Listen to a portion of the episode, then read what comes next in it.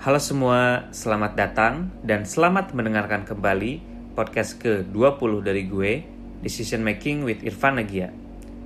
Tujuan dari podcast ini adalah untuk ngebantu audiens buat lebih paham dan juga lebih bijak dalam mengambil keputusan-keputusan dalam hidupnya. Baik itu keputusan kecil dalam kehidupan sehari-hari ataupun keputusan yang besar. Nah, seperti biasa, buat yang nanti mau lihat summary dari setiap podcast ini, gue bakal selalu bagiin key takeaways-nya lewat Insta Stories. Jadi nanti bisa cek aja di Instagram at untuk lihat summary dari setiap episode.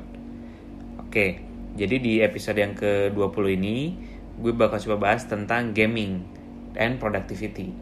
Jadi ini topik yang banyak juga diminta buat dibahas karena mungkin gue yakin teman-teman pasti pernah main game ya atau mungkin yang sering main game itu tiap hari ada yang main game lewat uh, eh, HP, smartphone, lewat mobile atau juga yang memang di desktop atau PC atau langsung di konsolnya kayak Xbox atau PS4 macam-macam lah ya. Jadi apakah gaming itu bisa menurunkan produktivitas gue ataupun misalnya apakah bisa bikin gue addicted seberapa berbahayakah kalau misalnya gue jadi addicted sama game dan segala macam jadi kita bakal coba bahas nah buat background gue sendiri adalah uh, orang yang sangat suka main game.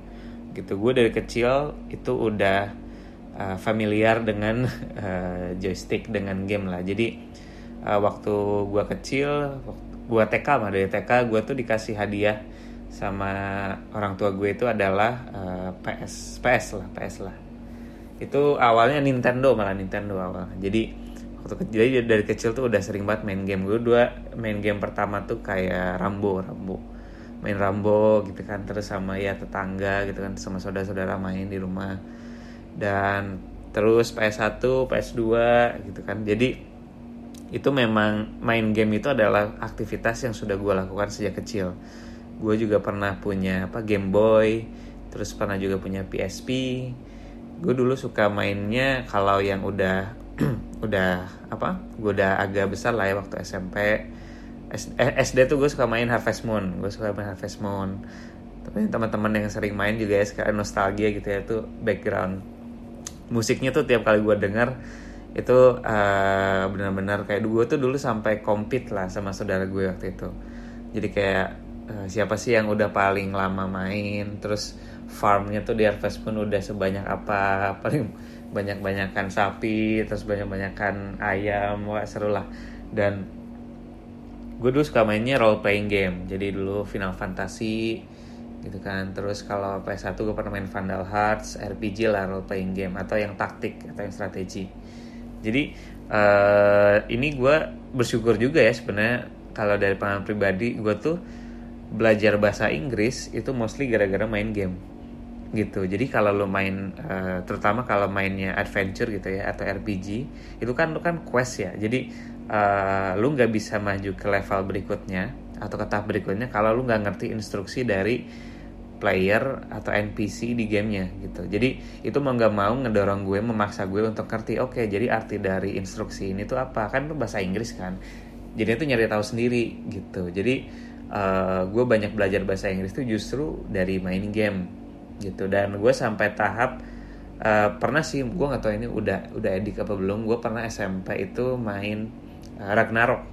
Ragnarok itu main game online jadi semacam uh, role playing game juga tapi online. Dan itu gue masih zaman zamannya di warnet tuh. Jadi gue yang tempat waktu SMP kelas 2 gue tuh sampai uh, ke warnet adalah warnet dulu dekat SMP gue itu ketika order itu ya kan nyewa kan ya itu rentalnya tuh gue sampai minimal 8 jam 7 jam gitu kan. Itu kenapa? Karena uh, gue gue ngerasa gue tuh perlu nggak mau ketinggalan sama player-player lain yang online itu kan. Ada na naik level tuh nambah skill nambah item segala macam jadi gue dulu sempat sampai tahap di mana gue sampai 8 jam sehari gitu. Bahkan pernah nginep di warnet gitu ya cuma buat main game gitu. Dan uh, sekarang gue pernah waktu kuliah tuh gue udah jarang tuh main game gitu. Dan sekarang waktu gue kerja gue mulai mulai lagi main game. Tapi main gamenya tuh game uh, mobile di di handphone. Mungkin teman-teman pernah dengar lah PUBG ya misalnya. Itu salah satu game yang gue sering main juga gitu. Nah eh, nggak uh, jarang juga gue mainnya tuh di tempat kerja gitu. Nah makanya muncul kan question juga kalau lo main game di tempat kerja lo gitu ya apakah itu bisa menurunkan productivity atau sebaliknya gitu kan. Jadi gue juga mencoba research tentang hal ini dan banyak baca juga. Ada satu studi di Brigham Young University. Itu dia menemuin bahwa uh, main game jadi dia melakukan intervensi terhadap uh, new employee ya employee uh, karyawan-karyawan baru di suatu perusahaan. Diintervensi dengan diminta uh, pada main game gitu untuk beberapa waktu dalam setiap harinya. Nah, dia nemuin bahwa ada peningkatan 20% dalam total productivity dalam uh, kerjaan-kerjaan yang mereka lakukan setelah main game. Gitu. Dan main game itu together cuma 45 menit. Gitu. Jadi dia bilang kalau video game ketika uh, dilakukan secara kolaboratif gitu ya atau in group dalam tim gitu ya.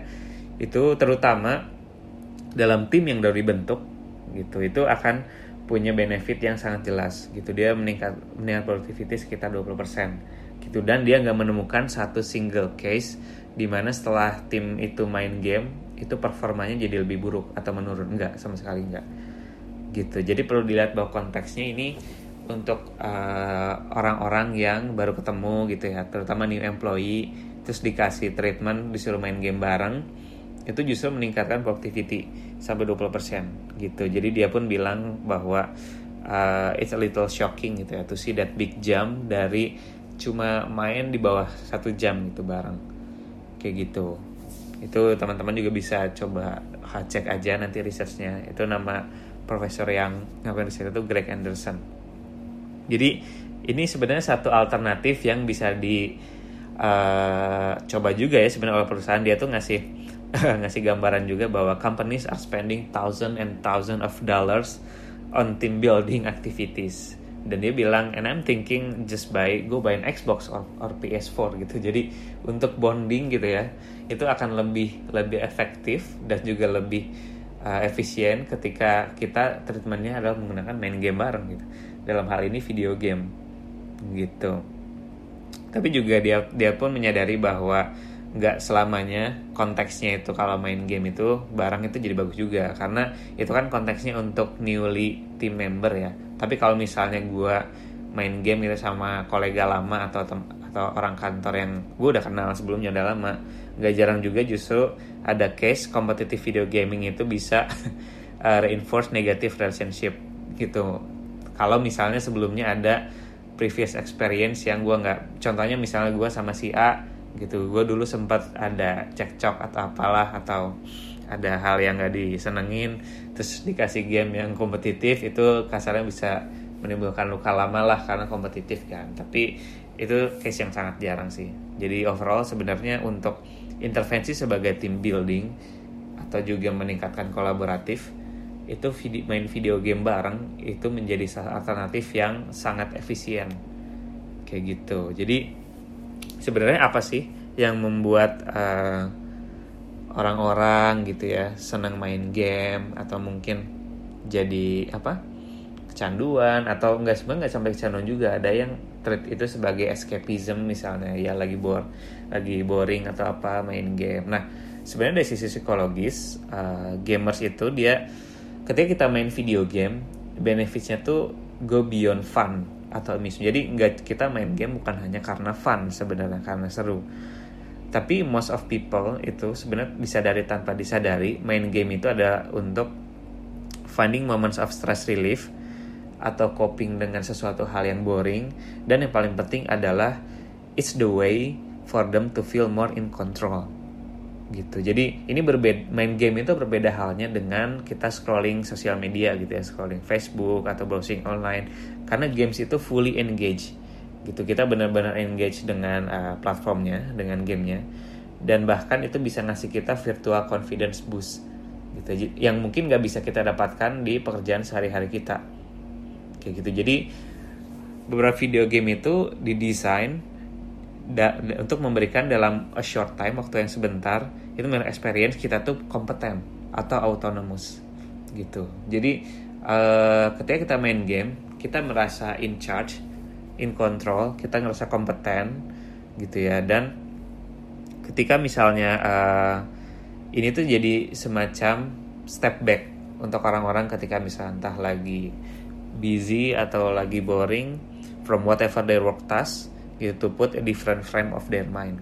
Kayak gitu. Jadi sebenarnya uh, ini tuh kalau kita treat uh, in a healthy way gitu ya nggak nggak terlalu lama nggak terlalu sering ada istilah namanya micro breaks gitu. Jadi ini cuma uh, istirahat yang micro yang cuma 10 minutes 20 minutes itu ya udah. Kita kita boring atau kita lagi sibuk kita main game gitu.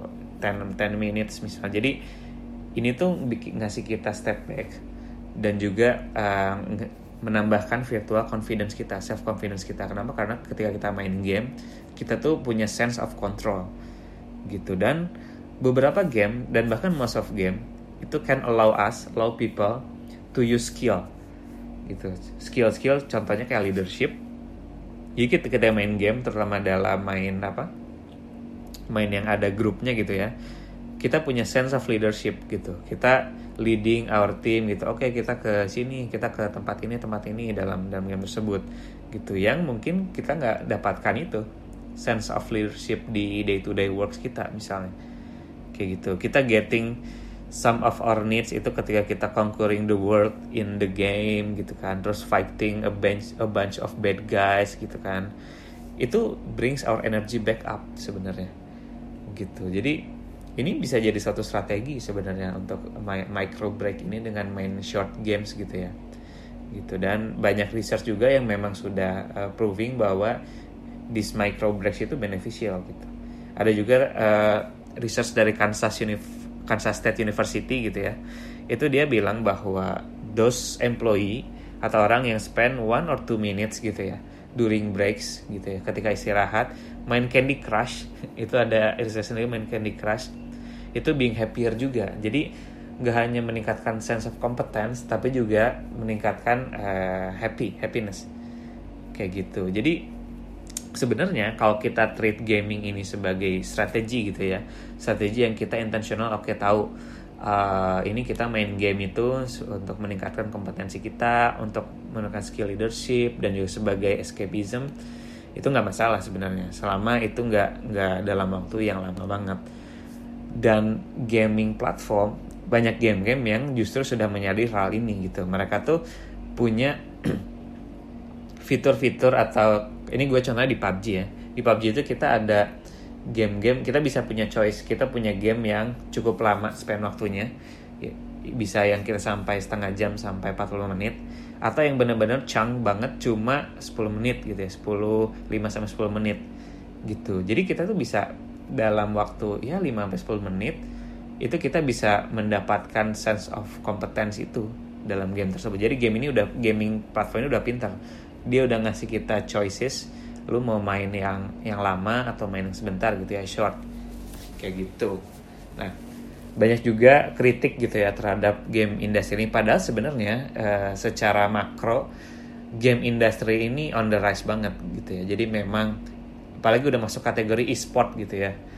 Jadi memang apa udah buk uh, gaming itu udah bukan suatu hal yang uh, tabu dulu ya atau yang memang enggak tapi justru udah jadi lifestyle gitu ya. Jadi everyone can play a game gitu ya. Terutama juga udah ada asosiasi juga segala macam tapi memang beberapa kalangan masih melihat main game itu bisa harming productivity bahkan health gitu ya. Nah kita coba dari aspek sisi health apa sih sebenarnya gaming disorder ini? Ada juga kan sebenarnya uh, istilah gaming disorder untuk orang-orang yang kecanduan banget main game udah berlebihan addicted main game. Jadi kalau di uh, sisi klinis gitu ya ada uh, ada istilah namanya memang gaming disorder. Gitu gaming disorder ini dia didefine dalam 11 revision of the International Classification of Disease. Jadi ICD 11 itu memang ada ada apa ada semacam book atau semacam uh, panduan lah ya untuk klasifikasi dari setiap penyakit gitu ya classification of disease. Jadi gaming disorder ini ada di ICD 11 teman-teman boleh googling itu nanti ya. Itu sebagai uh, dia didefine sebagai a pattern of gaming behavior baik itu digital gaming atau video gaming yang dikarak uh, yang ditunjukkan oleh impaired control over gaming gitu ya. Jadi uh, increasing priority given to gaming over other activities gitu. Dan that extends uh, to offer other interests and daily activities. Jadi gaming disorder ini bisa bisa dikatakan orang orang tuh kecanduan ketika dia tuh putting priority of playing game other than daily activities gitu ya. Jadi dia tuh memprioritaskan main game mengesampingkan aktivitas-aktivitas lain yang ekstrimnya mungkin sampai lupa makan sampai lupa tidur gitu ya. Jadi sampai pagi gitu main lupa lupa tidur dan juga lupa makan lupa berinteraksi sosial. Jadi itu sudah masuk kategori gaming disorder. Ketika kita sudah putting our priority itu kepada main gaming. Kayak gitu. Jadi uh, kalau gitu kita bisa dikatakan game kecanduan game ketika kita tuh sudah sampai tahap mana sih? Nah, di buku tersebut di ICD-11 itu dikatakan bahwa untuk for gaming disorder to be diagnosed, the behavior pattern, pattern tadi ya, yang kita memprioritaskan main game itu, itu harus sudah sampai impactnya itu negatif consequence terhadap uh, kegiatan sama keluarga, hubungan sama keluarga, hubungan sosial, hubungan sos hubungan education sama pekerjaan jadi kalau sudah efek sampai sana gitu ya sudah mengganggu uh, our personal life sama juga work life dan itu sudah terlihat at least 12 months itu atau at least setahun itu kita sudah harus get help gitu. Jadi kalau selama rentang setahun kita tuh sudah memprioritaskan main game gitu ya dibanding yang lain, nah that's the time that we, we need to get help. Itu kalau dari menurut ya, buku tersebut ya ICD 11 gitu. Nah kalau gitu apa sih penyebabnya untuk sampai tahap kita jadi game addict dan sampai game disorder ini tuh? Nah sebenarnya most video games most uh, video game platform itu memang sudah didesain dengan menggunakan teknik-teknik uh, behavior psychology untuk keep us hook untuk membuat kita tuh uh, apa uh, benar-benar uh, kecanduan lah ya atau benar-benar fokus terhadap main game tersebut kayak gitu. Jadi ketika kita main game dari si biologis kita mendapatkan high amount of dopamine gitu kita hormon dopamin kita tuh meningkat. Gitu dan over exposure dari dopamin ini itu tuh bisa mengubah struktur otak kita. Gitu makanya bahayanya ketika kita ke sana main game karena ketika kita main game uh, hormon dopamin kita tuh meningkat yang bikin kita happy engage gitu ya. Nah over exposure atau kebanyakan hormon dopamin ini bahkan bisa sampai mengubah struktur otak kita. Kayak gitu. Kita bisa setelah struktur otak kita berubah kita udah kita overexposure dengan dopamin kita mulai hidup di dunia di mana kita expect instant gratification. Pokoknya gue pengen dapat instant uh, happiness gitu ya yang bisa gue dapatkan lewat main game gitu. Game ini sangat immersive gitu ya and easy to play for hours and hours dan jujur ya jujur kalau kalau gue lama main game dulu gue tuh bener-bener sambil waktu karena bener-bener gue fully engaged dengan main game. Kayak gitu. Dan uh, banyak juga sebenarnya uh, kritik-kritik terhadap para game developer gitu ya karena uh, ada ada apa? Ada tendensi bahwa mereka terkesan tanda kutip ya manipulatif gitu ya manipulatif untuk membuat kita tuh benar-benar lupa waktu gitu ya benar-benar hook dengan dengan main game dengan cara apa? Gamification. Jadi kalau di teknik behavior psychology itu ada teknik namanya gamification. Itu uh, teknik yang uh, dibuat atau didesain biar kita tuh selalu in charge dan juga keeping progress dalam platform kita. Kalau di main game tuh kan kita ada naik skill ya level up. Terus kita juga di di di compete dengan orang-orang lain itu akan meningkatkan juga fear of missing out. Kita nggak mau ketinggalan sama teman-teman lain yang ternyata udah makin jago tiap harinya. Terus dapat rare item gitu ya, punya barang yang langka gitu ya di di game tersebut. Karena kita nggak mau ketinggalan, itu membuat kita jadi aduh yaudah kalau gua nggak main main hari ini ketinggalan nanti sama teman yang lain udah sampai levelnya udah jago banget. Terus aja main. Jadi kita juga dihadapkan dengan uh, kompetensi eh apa uh, competitiveness gitu ya dengan orang lain. Kayak gitu. Dan uh, apa ini yang menjadi salah satu kritik juga terhadap gaming industry gitu ya. Dan bahkan gue uh, gue tuh beberapa tahun kemarin rajin juga untuk datang ke behavior science conference gitu ya. Kayak waktu kemarin gue di London terus di Amsterdam. Nah menariknya kalau waktu di London kemarin kalau gua nggak salah lihat itu salah satu requirementnya untuk lo bisa datang di uh, conference atau event tersebut adalah you're not from the gaming industry gitu.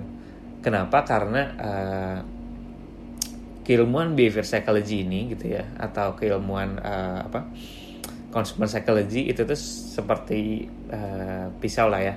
Karena di satu sisi bisa membantu lo untuk uh, masak kita sesuatu yang enak di satu sisi juga bisa harming. Karena kenapa? Karena kita jadi punya knowledge uh, gimana sih cara bikin people itu addicted atau hook gitu ya sama suatu platform.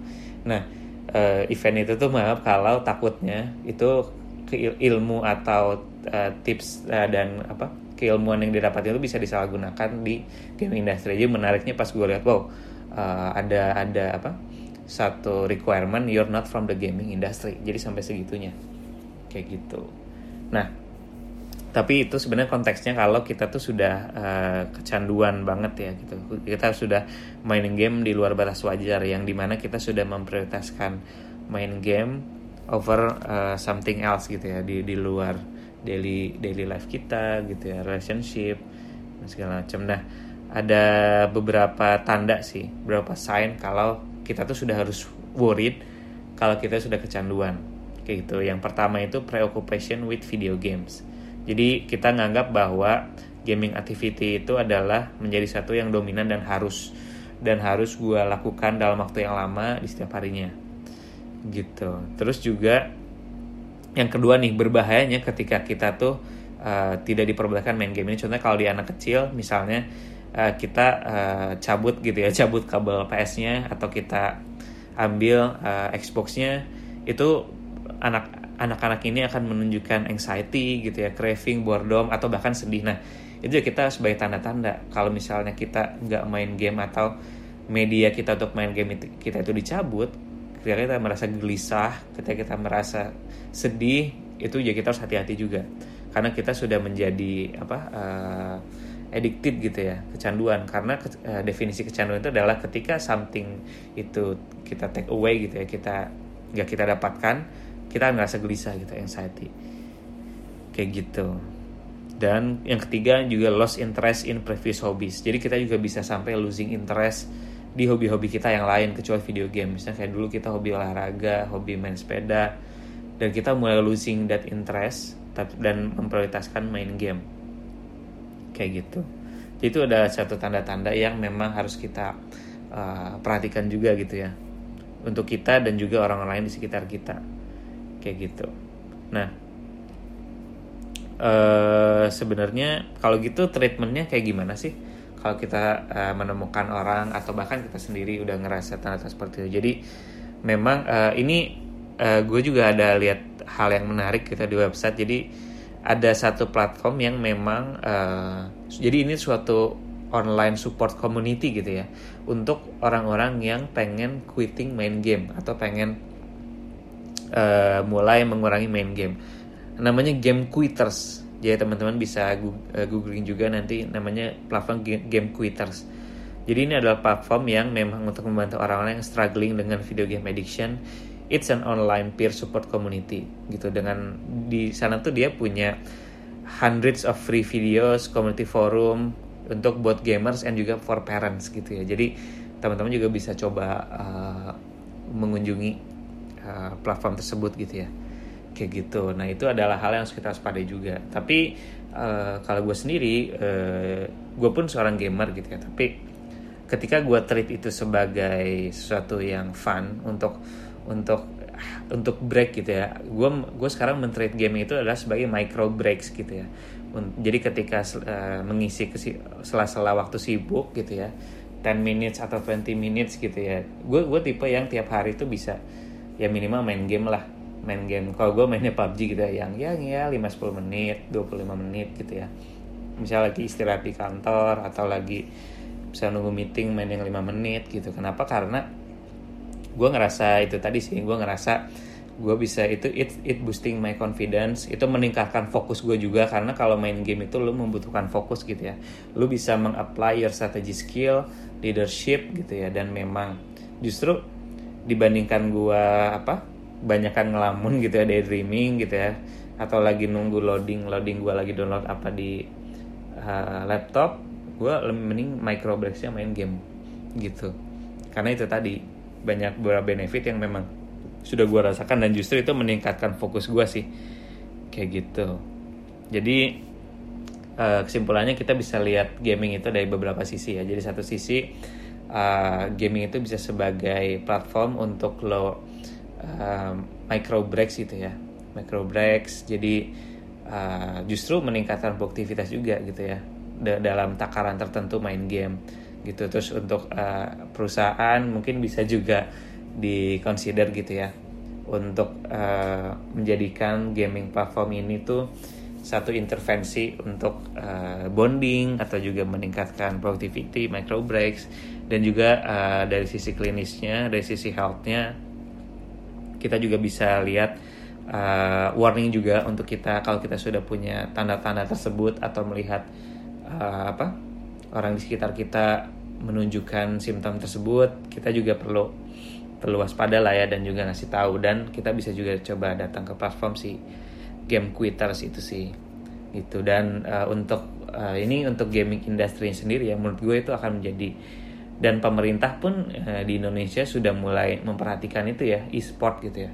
E-sport gaming ini akan akan akan semakin on the rise gitu ya menurut gua. Karena banyak sekali game-game yang uh, memang didesain itu memang microblack kalau teman-teman lihat di App Store gitu ya itu banyak pilihan game yang bahkan uh, banyak juga brain games gitu ya. Jadi kayak semacam uh, quiz-quiz atau misalnya game-game yang justru edukatif gitu ya dan uh, unleashing our creativity kayak gitu jadi sebenarnya uh, gaming itu memang bisa, kita treat either sebagai educational, sebagai fun things, juga sebagai meningkatkan skill.